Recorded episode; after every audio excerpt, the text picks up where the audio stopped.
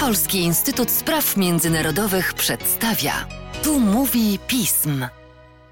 Szanowni Państwo, dzień dobry, ja nazywam się Arkadiusz Legieć, jestem sekretarzem redakcji Polskiego Przeglądu Dyplomatycznego i zapraszam Państwa do podcastu specjalnego Polskiego Instytutu Spraw Międzynarodowych, w którym chcemy Państwa zachęcić, abyście sięgnęli po już trzeci w tym roku numer Polskiego Przeglądu Dyplomatycznego, który właśnie teraz zmierza do księgarni.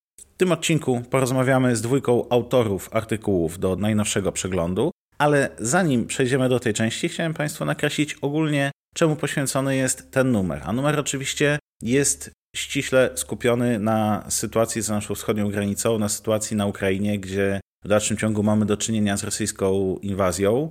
Z tego też względu numer otwierają opinie dwójki naszych analityków, Daniela Szeligowskiego, który przygląda się politycznym aspektom wojny na Ukrainie, a także Ani Dyner, z którą zresztą porozmawiamy za chwilę, której artykuł dotyczy militarnych aspektów działań prowadzonych przez Rosję na Ukrainie. Ale trzecia opinia, ona podkreśla też pewien wymiar tej wojny dla naszej euroatlantyckiej wspólnoty, dla Sojuszu Północnoatlantyckiego i pokazuje, w jaki sposób wojna na Ukrainie wpłynęła na perspektywę rozszerzenia NATO, w jaki sposób to zmienia architekturę bezpieczeństwa i dlaczego to jest ważne dla Polski. Autorem tej opinii jest Dov Zakheim, amerykański biznesmen, pisarz, były wysoki urzędnik Ministerstwa Obrony Stanów Zjednoczonych, więc z całą pewnością jest opinia, która Państwa zaciekawi, o, ty, o czym jestem przekonany.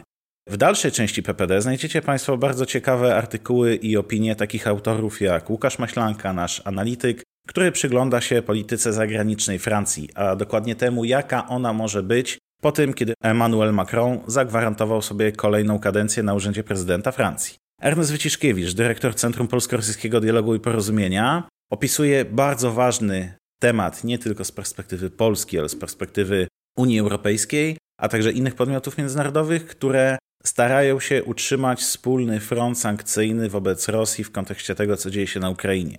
Dyrektor Wyciszkiewicz przygląda się temu, na czym polegają te sankcje, dlaczego są tak ważne i próbuje wysnuć pewną ocenę, czy są one skuteczne. W dalszej części mamy artykuły poświęcone nastawieniu społeczeństwa rosyjskiego wobec rosyjskich działań na Ukrainie i pewnej ewolucji tego, jak zmienia się, czy też nie zmienia percepcja rosyjskiego społeczeństwa. Autorką tego tekstu jest Maria Domańska, analityczka OSW.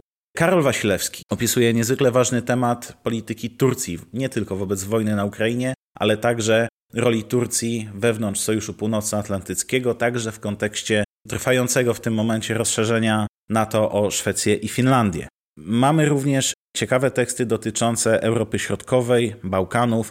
Tutaj autorzy zagraniczni, Żużana Wiadrina, przygląda się wyzwaniom polityki zagranicznej Viktora Orbana, który podobnie jak Emmanuel Macron w niedawnym czasie uzyskał po raz kolejny mandat społeczny do sprawowania władzy na Węgrzech i przygląda się temu, jakie wyzwania będą stały przed polityką Viktora Orbana na arenie międzynarodowej, a wszystkim na tym froncie europejskim. Dimitar Nakołowski i Sławę Zunowski, świetni analitycy z Macedonii Północnej, ze swojej autorskiej perspektywy przyglądają się polityce Serbii i temu, w jaki sposób ta dość unikalna polityka w regionie Bałkanów znajduje się pod wpływem polityki Rosji, a także obecnych wydarzeń na europejskiej scenie politycznej. Na koniec wątki azjatyckie, Krzysztof Iwanek, Patryk Kugiel, ale także wątki azjatyckie związane z tą sytuacją bezpieczeństwa w Europie, na świecie, przyglądają się na ile polityka Indii oraz Pakistanu jest w tej chwili ważna dla światowego układu sił, dla polityki prowadzonej przez Rosję oraz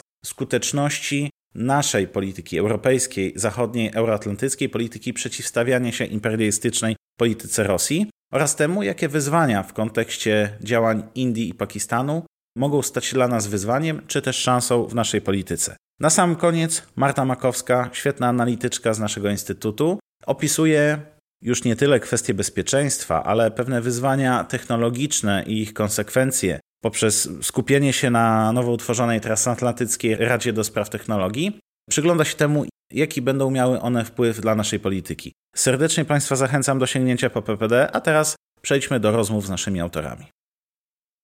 A moją pierwszą rozmówczynią jest Anna Maria Denner, analityczka pism do spraw Białorusi i polityki bezpieczeństwa Federacji Rosyjskiej. Dzień dobry, Aniu. Cześć, Arku.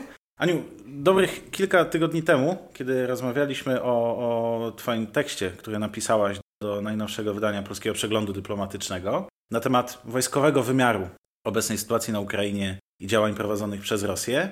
W zasadzie rozmawialiśmy o tym, że chcesz pokazać w swoim tekście te czynniki, z powodu których powinniśmy, czy też musimy jednak wciąż obawiać się Rosji. Pomimo tego entuzjazmu, jaki zapanował w związku z pewną skutecznością działań obronnych prowadzonych przez Ukrainę, w związku z tym, że nie wszystkie działania ofensywne prowadzone przez Rosję szły tak, jak Rosjanie sobie by tego życzyli, no to jednak od samego początku, mimo że było to jeszcze kilka tygodni temu, zwracałeś uwagę, że wciąż Rosja ma bardzo poważne instrumenty, na które musimy patrzeć, o których musimy pamiętać i których obawiać się powinniśmy i my, i Ukraińcy. Możesz przybliżyć, co dokładnie wtedy miałaś na myśli i w jaki sposób udało ci się to przybliżyć w Twoim artykule? Myślę, że musimy zwrócić uwagę na dwie rzeczy, bo oczywiście w pierwszym odruchu zastanawialiśmy się, co Rosjanom poszło nie tak, i o tym też jest e, spora część tekstu, czyli grzechy główne Federacji Rosyjskiej. Natomiast jest faktem, że mimo, że Rosjanom dużo rzeczy poszło nie tak, kolejne dni, kolejne tygodnie tego konfliktu pokazują, że oni się potrafili nauczyć na własnych błędach,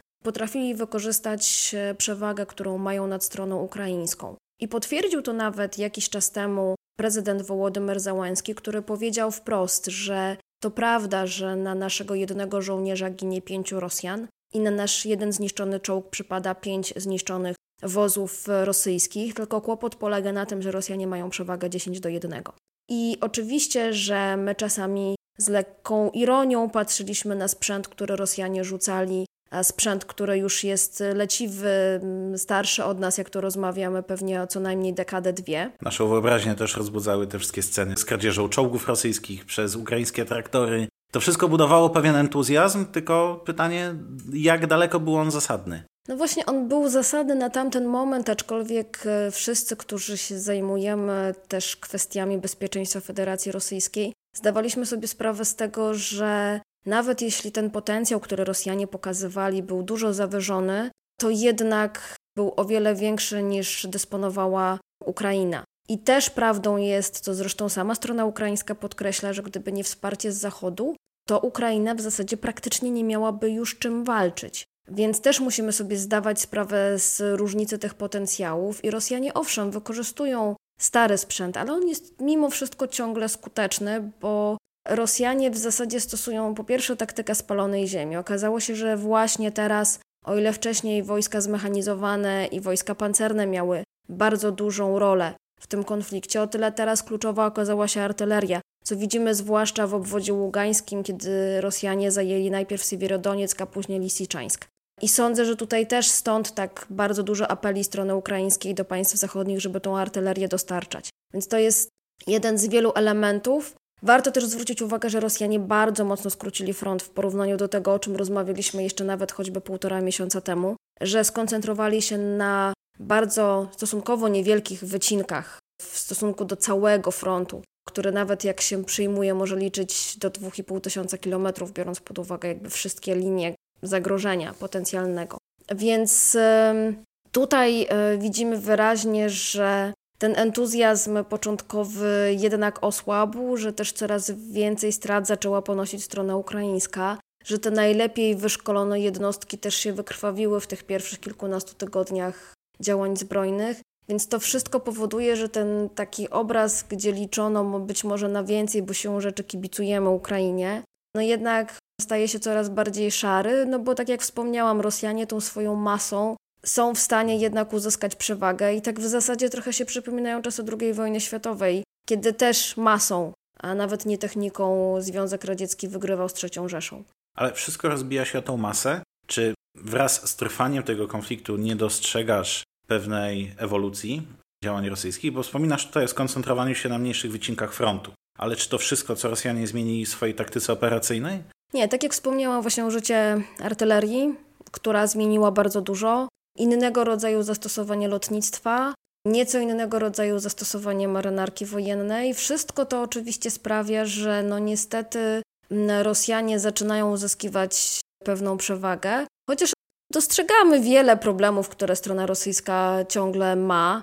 Moglibyśmy pewnie wymieniać też przez kolejne godziny, z czego one wynikają, ale faktem jest, że to nie jest też do końca tak, że Rosjanie też być może za czas jakiś, zwłaszcza jeśli zdobędą te cztery obwody, o których e, mówimy, czyli oczywiście Doniecki, Ługański, ale też Zaporowski e, i Hersoński, że też nie będą e, chcieli uzyskać jakiejś pauzy taktycznej, żeby też trochę uporządkować sytuację po swojej stronie linii frontu. No dobrze, ostatnie pytanie. Tak jak wspominaliśmy, Twój tekst miał się skupić mm, na samym początku na tym, dlaczego wciąż Rosja jest niebezpieczna, ale jak sama wspominasz, zaczynasz w zasadzie w tym tekście od pewnego wyliczenia, wskazania tych największych grzechów popełnionych przez Rosjan. Więc czytelnicy, którzy sięgną po Twój tekst, o jakich grzechach Rosji, o jakich błędach strategicznych, szczególnie na początku tej inwazji, się dowiedzą? Dowiedzą się na pewno o tym, że Rosjanie trochę przelicytowali, że jednak zgromadzili zbyt mało siły i środków na wszystkie te cele, które na dzień dobry chcieli osiągnąć, że mając podobny potencjał startowy zgromadzony wokół Ukrainy i na okupowanym Krymie, co siły ukraińskie, otwierając pięć linii frontu, w zasadzie skazywali się trochę na porażkę. To jest pierwszy element. Drugi element, ta wojna bardzo mocno pokazała wszystkie schematy korupcyjne, czyli sprzedaż paliwa, sprzedaż racji żywieniowych, problemy z pakietami medycznymi, złe wykorzystanie tak naprawdę 35. i 36. Armii Ogólnowojskowej ze Wschodniego Okręgu Wojskowego, które po zimowym poligonie zostały wysłane na Kijów. Mnóstwo, mnóstwo różnych rzeczy, też łącznie z tym, że na dzień dobry nie było jednej osoby, która by koordynowała te wszystkie pięć frontów. Potem Rosjanie zaczęli wyciągać wnioski ze swoich błędów, została powołana jedna osoba, która w miarę zarządza, zostały skrócone te linie frontu, więc to mniej więcej widać w tekście i to jest też bardzo ważny sygnał dla nas i w zasadzie też historycznie możemy popatrzeć na to, w jaki sposób działała czy Federacja Rosyjska choćby na Kaukazie Północnym, czy wcześniej Związek Radziecki, choćby w czasie II wojny światowej, że też to, że na początku danego konfliktu Rosjanie sobie z czymś nie radzili, nie znaczyło, że ostatecznie nie byli w stanie osiągnąć swoich celów i tego musimy być świadomi i musimy być świadomi tego, że Rosja ma głębię strategiczną, ma zasoby, które może dalej odnawiać w tego rodzaju konfliktach. I jeszcze jest jedna istotna kalkulacja, że ciągle wojna na Ukrainie to z perspektywy Rosji jest operacja czasu pokoju, a jeżeli myślimy o konfliktach innych, nawet gdzieś z tyłu głowy zastanawiając się nad konfliktem z NATO czy z państwami członkowskimi sojuszu, zdajemy sobie sprawę, że to na pewno nie będzie z punktu widzenia Rosji wojna czy operacja czasu pokoju, że to będzie operacja czasu wojny, która dodatkowo jeszcze uruchomi zasoby, które to państwo ma. Więc wydaje mi się, że e, trzeba do Rosji po prostu podchodzić realistycznie, to znaczy oczywiście nie, nie do końca wierzyć we wszystkie ich komunikaty hura optymistyczne, mieć rezerwę założoną na to, że czasami albo bardzo często przedstawiają myślenie życzeniowe za prawdziwe, ale też nie wolno Rosji docenić. Aniu, tutaj postawimy kropkę. Bardzo Ci dziękuję. Naszym słuchaczom powiem z własnej strony, że chyba trudno o lepszą reklamę ani artykułu i reklamy w ogóle obecnego wydania Polskiego Przeglądu Dyplomatycznego. Więcej szczegółów i więcej tej analizy, jaką, jakiej skrawek Ania przedstawiła właśnie tutaj słownie na temat militarnych aspektów działań Rosji na Ukrainie, znajdziecie Państwo w najnowszym numerze PPD. Zachęcam do sięgnięcia po niego. Tobie, Aniu, bardzo dziękuję za tę rozmowę. Dziękuję również. A Państwa zapraszam na jeszcze kolejną rozmowę. Moim drugim gościem jest dr Karol Wasilewski, obecnie dyrektor praktyki analitycznej w agencji Neoświat, a jeszcze do niedawna nasz kolega z Instytutu, szef projektu programu bliskowschodniego oraz analityk od Turcji. Dzień dobry, Karolu. Dzień dobry, Arku. Miło wrócić do pismu, jak zawsze. Jak co tydzień, przecież co tydzień tutaj jestem, nie? Nam miło również. Karolu, napisałeś artykuł, a w zasadzie nawet dwa artykuły do najnowszego wydania Polskiego Przeglądu Dyplomatycznego. Jeden z nich dotyczy oczywiście Turcji.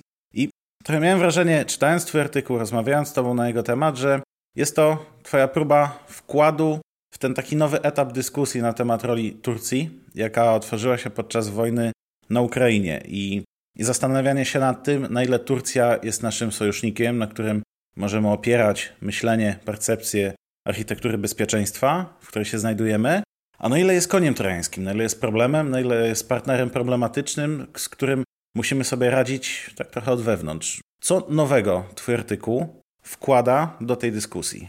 Wiesz co, ja mam wrażenie, że to była bardziej próba uporządkowania pewnych trendów, które są widoczne coraz bardziej w myśleniu o Turcji. I tak naprawdę pewnie no nie zdradzę zbyt dużej tajemnicy, jak powiem, że to jest dopiero pierwszy krok, bo planuję serię w ogóle tekstów o przyszłości Turcji w NATO w różnych miejscach publikowanych. Natomiast próbę uporządkowania dyskusji, bo to, co mnie uderzyło w tych dyskusjach wokół Turcji, czy pozycji Turcji wobec wojny w Ukrainie, no to jest właśnie ten taki dziwny i binarny wielogłos, coraz bardziej przypominający, wielogłos binarny, wielogłos jakby mógł być, nie? ale te takie e, dwie pozycje, e, w którym jedni podkreślali znaczenie strategiczne Turcji, drudzy podkreślali to, że Turcja jest ciągle koniem trojańskim Rosji, Robili to zawsze w takich momentach, kiedy były bardziej sprzyjające uwarunkowania dla nich i wielokrotnie byli zaskakiwani, gdy okazuje się, że sytuacja trochę wymyka się z takiego binarnego postrzegania.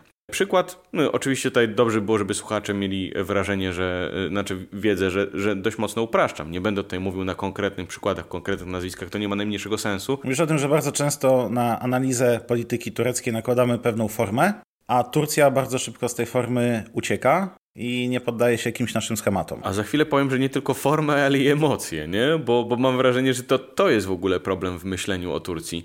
Bo y, zobaczmy początek wojny w Ukrainie. I Turcja, która podkreśla w tym swoim przekazie, że nie chce utracić ani Rosji, ani Ukrainy. I już eksperci mówią o tej polityce balansowania tureckiej, która jest wiecznie, pojawia się, jeśli pojawia się gdzieś polityka Turcji, to mówi się Turcja balansuje i rozgrywa te strony.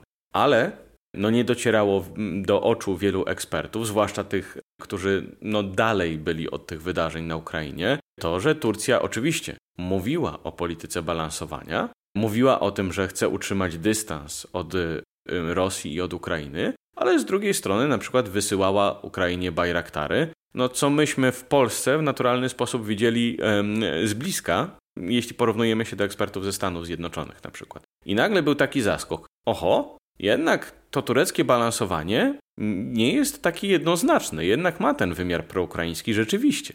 I, I, to było po prostu oparte, mam wrażenie, też na emocjach. To znaczy, bo, bo, co powoduje emocje? To, że e, nagle wpadamy w ten bardzo szybki prąd myślenia, tak? Balansowanie i już nie dostrzegamy nic poza tym. I analitycy mogą się mylić, nie ma w tym większego problemu, ale to jest szalenie niebezpieczne dla polityki. I moim zdaniem myśmy też tego doświadczyli i już mówię w jaki sposób. Patrząc przez pryzmat tych emocji, część analityków nie zauważała no właśnie tych proukraińskich poczynań Turcji. Jeśli nie zauważała tych proukraińskich poczynań Turcji, nie próbowała ich zrozumieć, to nie potrafiła też zrozumieć tego, skąd bierze się to zachowanie Turcji. A ono bierze się z prostej przyczyny. Turcja nie mogła sobie pozwolić na radykalne zwycięstwo Rosji w tej wojnie.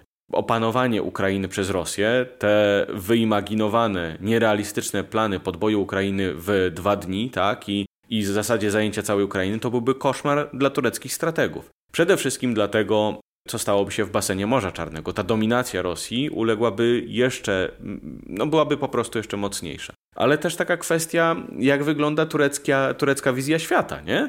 Zobacz, teraz mówimy bardzo dużo o tej nowej zimnej wojnie. Nie lubię strasznie tej metafory, ale pojawia się co chwilę. Turcja nie chce, żeby świat wyglądał no właśnie tak binarnie, bo uważa, że zakończenie tej właściwej zimnej wojny, zapoczątkowało najlepszy w ogóle okres dla rozwoju tureckiej polityki zagranicznej, bo Turcja może robić biznes z każdym, że się tak wyrażę. I w związku z tym zmieniło się też tureckie patrzenie na Rosję. Owszem, Rosja jest nadal postrzegana jako rywal, jest nadal postrzegana jako państwo, które no, z tureckiego punktu widzenia oczywiście opowiadam, z którym budowa sojuszu to jest w ogóle fantasmagoria. Oczywiście nie we wszystkich kręgach, e, bo są takie kręgi w Turcji, które chciałyby zbudować sojusz z Rosją, ale co do zasady, ale jest też postrzegana jako państwo, które przestało stanowić bezpośrednie zagrożenie militarne dla terytorium Turcji. I owszem, Turcy, gdybyśmy im to powiedzieli, strasznie by się oburzyli. Powiedzieliby, co ty w ogóle gadasz? Syria, zabili nam żołnierzy. Górski Karabach, napięta sytuacja. Libia, napięta sytuacja między Turcją a Rosją. Ale jeszcze raz, czym innym jest rywalizacja i odpryski tej rywalizacji, przepraszam, bo to brzydko brzmi w kontekście no jednak ofiar wojennych, a czym innym jest postrzeganie agresji Rosji na terytorium Turcji jako możliwej. Gdyby Rosji udało się zrealizować ten cel, opanowanie Ukrainy, Turcja musiałaby zmienić swój pogląd na, e, zrewidować w zasadzie swój pogląd na politykę zagraniczną bezpieczeństwa.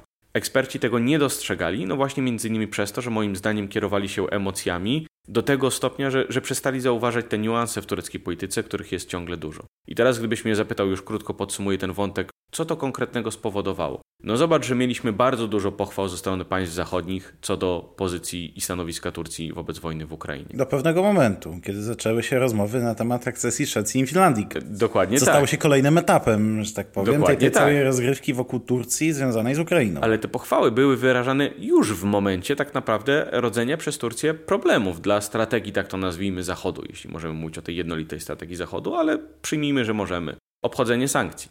Znaczy najpierw nie dołączanie do sankcji, ale potem obchodzenie sankcji na Rosję, tak? Przyjmowanie oligarchów na terytorium Turcji. Te bardzo kreatywne pomysły na przyciągnięcie jak największej e, liczby turystów e, do, e, rosyjskich do Turcji, które no jednak trochę godzą w efektywność sankcji, tak? No bo w sankcjach chodzi między innymi o to, żeby to rosyjskie społeczeństwo odczuło koszty rosyjskiej agresji na Ukrainę. Moim zdaniem wszystko to było produktem tego, że Turcy przyjrzeli się sytuacji e, w zmienionych uwarunkowaniach i zobaczyli po pierwsze, ok, udało się oddalić zagrożenie związane z zwycięstwem Rosji. Po drugie, nasza polityka jest chwalona. Do tego jeszcze dochodzą elementy podziałów w gronie państw zachodnich, tak? Te sławne, niesławne e, oczywiście dyskusje, czy należy pozwolić zachować twarz Władimirowi Putinowi. I Turcy doszli do wniosku, mamy przestrzeń do prowadzenia tej polityki balansowania odchylonej w drugim kierunku, prorosyjskim. A do tego doszło jeszcze to, że te zachodnie pochwały w stosunku do Turcji, one pozwoliły Turkom ponownie uwierzyć w to, w co Turcy i tak bardzo głęboko wierzą. Tutaj mówię o tureckich decydentach, że Turcja jest szalenie ważnym państwem na politycznej mapie świata. Na tyle ważnym, że może sobie pozwolić na prowadzenie bardzo niestandardowej, asertywnej, agresywnej, awanturniczej, zwał jak zwał, polityki, bo ani Stany Zjednoczone, ani Rosja nie będą chciały jej stracić. No i proszę, jak w mały sposób tam to domino się rozwinęło, nie? I nagle zaczęło wywoływać skutki polityczne, bo tak jak powiedziałeś, ma, mieliśmy problem nagle z Turcją przy akcesji Szwecji i Finlandii. Dalej go mamy, bo ta akcesja, dopóki się nie dokona, dalej ten problem będzie istniał. Ale Karlu, nie chcę się czepiać, ale po to, żeby zastymulować naszą rozmowę, specjalnie czepię się jednej rzeczy. Mówiąc o Turcji, bardzo dużo tłumaczysz Turcję. Wskazujesz, dlaczego źle ją rozumiemy. Wskazujesz na wieloaspektowość tureckiej polityki i jej zmienność, jej dostosowywanie się do sytuacji pod kątem tureckich interesów, które nie do końca my słusznie definiujemy. W porządku. Ale jeżeli czytelnik sięgnie po Twój tekst, w którym starasz się to wszystko, jak powiedziałeś, uporządkować, obojętnie czy to będzie hobbysta zainteresowany Turcją, czy to będzie polski decydent, w jednym, dwóch zdaniach, co on zrozumie na temat tego, czy Turcja jest naszym sojusznikiem, czy jednak jest dla nas problemem. Jaki jest Twój główny przekaz w tym artykule? A to jest bardzo dobre pytanie, bo ja tak naprawdę w tym artykule jeszcze na to pytanie nie odpowiadam. Natomiast postuluję, żebyśmy prowadzili realną dyskusję o Turcji. Dyskusję wyzbytą te, tego binarnego postrzegania, tak? czyli e, znaczenie strategiczne, które jest traktowane przez wielu ekspertów jako dogmat, za chwilę do tego wrócimy, kontra koni trojański. Bo ani jedno, ani drugie nie jest prawdą o Turcji. Ale my czasem potrzebujemy prostej odpowiedzi. Potrzebujemy prostej odpowiedzi, z tym, że ona powinna być krokiem wykona wykonanym już po pewnej refleksji. Jeśli my nawet nie potrafimy dokonać refleksji, bo jesteśmy uwikłani w dysputy, które po prostu nie mają racji bytu, to nie jesteśmy w stanie myśleć logicznie o tym, co Turcja do sojuszu wnosi. I na przykład wróćmy do tego znaczenia strategicznego. To jest, jak wiesz, i na pewno nasi słuchacze wiedzą, pokłosie tego, że Turcja leży no, w takim, a nie innym mapie, e, miejscu na mapie świata. Miejscu, które, no jak wielu podkreśla, predestynuje ją do odgrywania w polityce światowej większej roli niż może na to wskazywać potencjał państwa.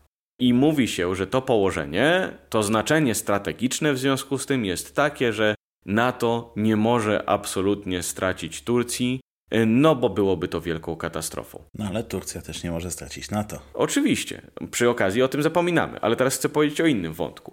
Rozmawiając o tym znaczeniu strategicznym, w ogóle nie mamy z tyłu głowy, może inaczej, bardzo często eksperci nie mają z tyłu głowy tego, że świat się zmienia.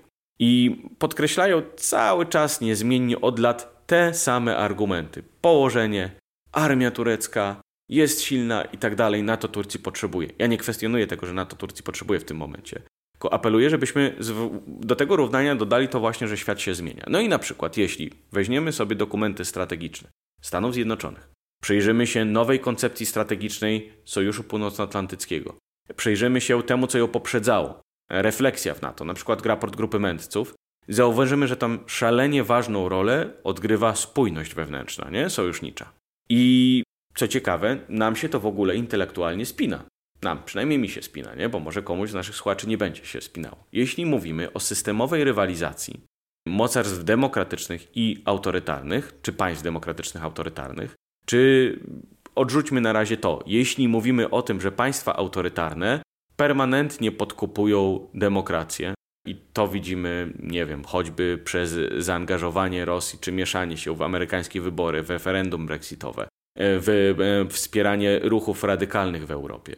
Jeśli mówimy o tym, że tę spójność podkopuje się również przez wysyłanie innych różnych komunikatów dezinformacyjnych, no to to się przyznasz, że spina z tym, że spójność, w sensie ta rywalizacja, spina się z tym, że spójność ma coraz większe znaczenie dla bezpieczeństwa państw Sojuszu Północnoatlantyckiego. Jeśli spojrzymy na to z tej perspektywy, jeśli spojrzymy tutaj na Turcję, która jest państwem, która no jednak w sposób dość mocny uderza w spójność Sojuszu Północnoatlantyckiego, w różny sposób, dezinformacją również, bo czasem, momentami, to jest znowu niezmiennie pozdrowienia dla Agnieszki Leguckiej, która mówi, że Turcja to cieplejsza Rosja. Rzeczywiście, w, w wymiarze informacyjnym Turcja często zachowuje się jak Rosja. Ja przypomnę tylko wypowiedź Sulejmana Soylu, czyli tureckiego ministra spraw wewnętrznych, z marca 2020 roku, kiedy to Turcy stwierdzili, że otworzyli granice dla uchodźców. I ten argument, że 150 tysięcy uchodźców przedostało się do Grecji, co oczywiście było nieprawdą. Czym to się różni, taka próba destabilizacji europejskiej opinii publicznej? Bo przecież Turcy doskonale wiedzą, ile ważą tego typu argumenty dla europejskiej opinii publicznej, czym to się różni od działań Rosji. E, no oczywiście, różni się skalą, nie? Ale jeśli chodzi o charakter. Więc y, mój postulat jest po pierwsze taki, żebyśmy rozmawiali o Turcji taką, jaka ona jest. Rozmawiali o Turcji, ja tutaj zawsze proponuję tę metaforę wirującego derwisza, czyli państwa, które znajduje się w ciągłym ruchu, ciągle patrzy, gdzie te interesy można realizować lepiej i stara się to robić w sposób maksymalistyczny. Państwa, które jest przekonane, że tak może, bo ma taką pozycję międzynarodową, ale co gorsza, państwa, które jest przekonane, że tak musi. Bo Turcy są absolutnie przekonani, że dochodzi teraz do zmian w porządku międzynarodowym i cokolwiek, gdziekolwiek wydarzy się na świecie, będzie miało wpływ na Turcję. Więc muszą prowadzić taką, przepraszam za tę metaforę, obrotową politykę zagraniczną. Rozmawiajmy zatem o takiej Turcji, a nie o Turcji, która ma być tak zwanym dobrym sojusznikiem. Bo zapewne i ty wiesz, i nasi słuchacze wiedzą, że ilekroć mamy jakieś tąpnięcia, a potem poprawę stosunków między Turcją a zachodnimi sojusznikami, to nagle mamy powrót tych dyskusji, czy Turcja będzie dobrym sojusznikiem. Turcja nigdy nie będzie dobrym sojusznikiem w tym sensie, bo Turcja jest sojusznikiem, który chce przede wszystkim realizować swoje interesy. I tak tę Turcję odbierajmy, a nie jako państwo, które wróci kiedyś na łono Zachodu i będzie robiło wszystko to, co Zachód chce, bo to jest tak naprawdę ta paternalistyczna metafora dobrego sojusznika. Nie? Myślenie życzeniowe. Absolutnie. I w tym kontekście, mm, no właśnie tego, co tak naprawdę oznacza to znaczenie, znaczenie strategiczne, co ono będzie oznaczało w przyszłości, jak ono będzie odbierane w przyszłości pod kątem przyszłych zagrożeń dla bezpieczeństwa Sojuszu Północnoatlantyckiego, w tym kontekście snujmy refleksję o Turcji, a nie w kontekście, który po prostu uniemożliwia wypracowanie jakiegokolwiek rozsądnego wniosku, czy Turcja jest, no właśnie, państwem o ogromnym znaczeniu strategicznym na wieki wieków, amen, dogmat, czy koniem trojańskim też na wieki wieków, amen, kolejny dogmat. Dlaczego, już może na koniec, to jest takie trudne snucie refleksji? No litości, no Turcja dostarczy argumentów na poparcie każdej z tych tez. Skoro jest państwem, które ciągle no, zmienia tę swoją politykę, czy raczej dostosowuje ją do uwarunkowań, które postrzega w ten, a nie w inny sposób, no to proszę, dostarczę argumentom tym, które, którzy mówią o znaczeniu strategicznym, wysyłając drony na Ukrainę chociażby, tak? I inne uzbrojenie, o tym też powinniśmy wspomnieć. Argument o koniu trojańskim? Proszę, Szwecja i Finlandia i te wszystkie poczynania, które są e, sprzyjające Rosji. Argument o tym, że jest państwem jeszcze jakimś innym, e, nie wiem, nie znajdę teraz metafory, ale pewnie koń trojański też by tutaj jednak pasował, czyli e, kupowanie e, ukradzionego zboża z Ukrainy. Kolejny argument, tak? Na każdy z tych tez, tych binarnych, Turcja dostarczy nam jakiegoś argumentu. Nie dojdziemy absolutnie do rozsądnego, żadnego rozsądnego wniosku, prowadząc taką dyskusję. No a w związku z tym nie zaprojektujemy sensownej polityki. Twój artykuł nie dostarcza jednoznacznej odpowiedzi, ale dostarcza tego, jak patrzeć na ten turecki taniec i jakie wnioski przynajmniej próbować z niego wyprowadzić, obserwując tego szalejącego tureckiego derwisza. Ale może już tak też podsumowując dyskusję, ostatnie pytanie zahacza o coś innego, bo tak się złożyło, że jesteś autorem również innego tekstu w obecnym wydaniu Polskiego Przeglądu Dyplomatycznego, wspólnie ze świetną analityczką turecką, y, Sinem Cengiz, wyprowadzacie próbę pewnych lessons learned, lekcji z kryzysu migracyjnego, w jakim brała udział Turcja. Mówię tutaj specjalnie brała udział, bo ponieważ to, jaką rolę Turcja odgrywała czy odgrywa w kryzysie migracyjnym na południu, no, no jest też przedmiotem szerokiej dyskusji, ale jakie lekcje z tego kryzysu możemy wyciągnąć dla nas w kontekście kryzysu, z jakim mieliśmy miejsce, z jakim w dalszym ciągu możemy mieć miejsce na granicy polsko-białoruskiej. Może tędy droga, może czasami możemy zaobserwować pewne mechanizmy i poprzez ich skuteczną analizę wzmocnić efektywność naszej polityki. Bez wątpienia Turcja akurat w tym wymiarze kryzysu migracyjnego czy kryzysu uchodźczego dostarcza nam sporo y, lekcji i nawet są pewne podobieństwa, tak? No bo ta pierwotna reakcja czy Polaków, czy Turków oparta na tym podejściu takim bardzo humanitarnym i na tym podejściu wszystkie ręce na pokład, żeby pomóc uchodźcom, no ona była bardzo podobna. Ale teraz chodzi o to, żebyśmy uniknęli tych kolejnych podobieństw. Podobieństw, które polegają no właśnie na braku polityki. Turcy nie wypracowali tak naprawdę rozsądnej polityki, jeśli chodzi o podejście do uchodźców, ciągle traktowali ich w takim charakterze tymczasowym, zresztą to się pięknie zaznacza w języku. Oni mówią o nich jako o gościach, co z jednej strony rzeczywiście pokazuje, powiedzmy, no nie da się tego rozgraniczyć od tego emocjonalnego charakteru, tak, że to jest jakiś taki wyraz sympatii, przynajmniej był, ale z drugiej strony pokazuje tę tymczasowość myślenia, nie? Turków o problemie. Tymczasowość myślenia o problemie, który trwa już ponad 10 lat. Oczywiście bierze się to również z tego, że Turcy byli świetnie, święcie przekonani co do tego, że wojna w Syrii zakończy się w ciągu pół roku, nie? Więc tu są te lekcje, które pokazują, że po pierwsze powinniśmy zaprojektować, czy czego, co możemy się od Turcji nauczyć, tak? Możemy nauczyć się tego, żeby porzucić to myślenie o tymczasowości kryzysu, żeby podejść do niego w sposób systemowy, żeby wypracować politykę, żeby też na przykładzie Turcji wiedzieć, w jakie elementy tej polityki w cudzym słowie uderzyć, żeby ta polityka była jak najbardziej efektywna.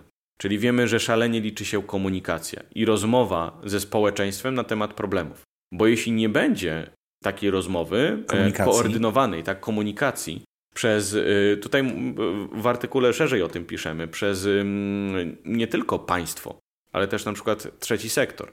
Jeśli nie będzie takiej komunikacji, która będzie tłumaczyła problemy z integracją uchodźców, tłumaczyła właśnie w jaki sposób świat się zmienia, dlaczego to wygląda w ten sposób, dlaczego to musi wyglądać w ten sposób, dlaczego Ukraińcom pomagamy, no to bardzo szybko pojawią się siły polityczne, które będą starały się zagospodarować bez wątpienia niezadowolenie społeczne, które nastąpi. I bez wątpienia te siły będą podsycane przez propagandę rosyjską i chińską, no bo znowu mamy te czasy systemowej rywalizacji. Zresztą wiemy, że Rosja już to robi, po prostu aktywnie dezinformując w polskiej przestrzeni publicznej, między innymi za pośrednictwem mediów społecznościowych. No przecież te wszystkie Kasie, Zosie Ząbek nie wzięły się znikąd, nie? Znaczy, no zawsze ten mianownik wspólny jest, że to jest wytwór ludzkiej wyobraźni. Tych lekcji jest więcej. Jest przede wszystkim ta lekcja y, kluczowa, którą możemy wyciągnąć od Turków. Nacisk, który jest położony na to, żeby Ukraina, tak jak w przypadku Turcji, Syria, nie miała straconego pokolenia. Z naszego punktu widzenia, z punktu widzenia Polski, to ma dwojakie znaczenie. Po pierwsze, no właśnie, pomoc Ukrainie, żeby nie miała tego straconego pokolenia, czyli tego pokolenia tych dzieci wojny, które zatracą szanse rozwojowe w związku z tym, że na Ukrainie panuje wojna. Ale jest też druga. No, jeśli chcemy położyć kres tym planom Władimira Putina o wymazaniu Ukrainy z mapy świata, no to nie ma lepszego sposobu na to niż odpowiednie zadbanie o ukraińską młodzież.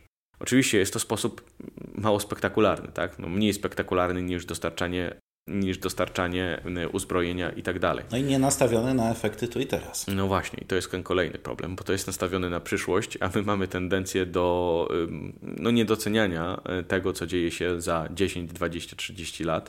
A wydaje mi się, że niestety jesteśmy w takim momencie dziejowym, gdy musimy myśleć też o takiej perspektywie y, czasowej i musimy zastanawiać się, bo na tym polega w ogóle cały cała bajka tak naprawdę w myśleniu o przyszłości. E, przyszłości nie da się przewidzieć i każdy, kto mówi, że da się przewidzieć przyszłość, po prostu gada bzdury. Natomiast da się wypracować, obserwując różne trendy, jak ta przyszłość może wyglądać. I w przypadku państw, na przykład, jednak tworów o ogromnych możliwościach, da się przynajmniej spróbować popchnąć tę przyszłość, że się tak wyrażę trochę metaforycznie, w kierunku bardziej sprzyjającym do nas. Otóż nic nie popchnie tej przyszłości bardziej niż zapobieżenie temu, żeby Ukraina nie miała tego straconego e, pokolenia. I tych lekcji jest więcej. Karol, myślę, że to już wystarczająca reklama dla wszystkich czytelników, aby sięgnąć po polski przegląd dyplomatyczny, w którym znajdą dwa Twoje teksty, wokół których tutaj sobie w dość inspirujący sposób chyba porozmawialiśmy. Tobie bardzo dziękuję za tę rozmowę i za odwiedziny pismu. Państwa zachęcam do sięgnięcia po polski przegląd dyplomatyczny, gdzie znajdziecie więcej przemyśleń Karola i nie tylko Karola, także innych autorów. I do usłyszenia w kolejnym podcaście. Ja dziękuję również za spotkanie. Y, przemyślenia będą podane w bardziej ustrukturyzowany sposób, jak to w tekście, nie? To pewnie powinienem dodać. Na pewno, aczkolwiek myślę, że ta rozmowa również była stymulująca do myślenia o strategii, o polityce zagranicznej Turcji, o pewnych wnioskach także dla nas. Jeszcze raz dzięki. Dzięki.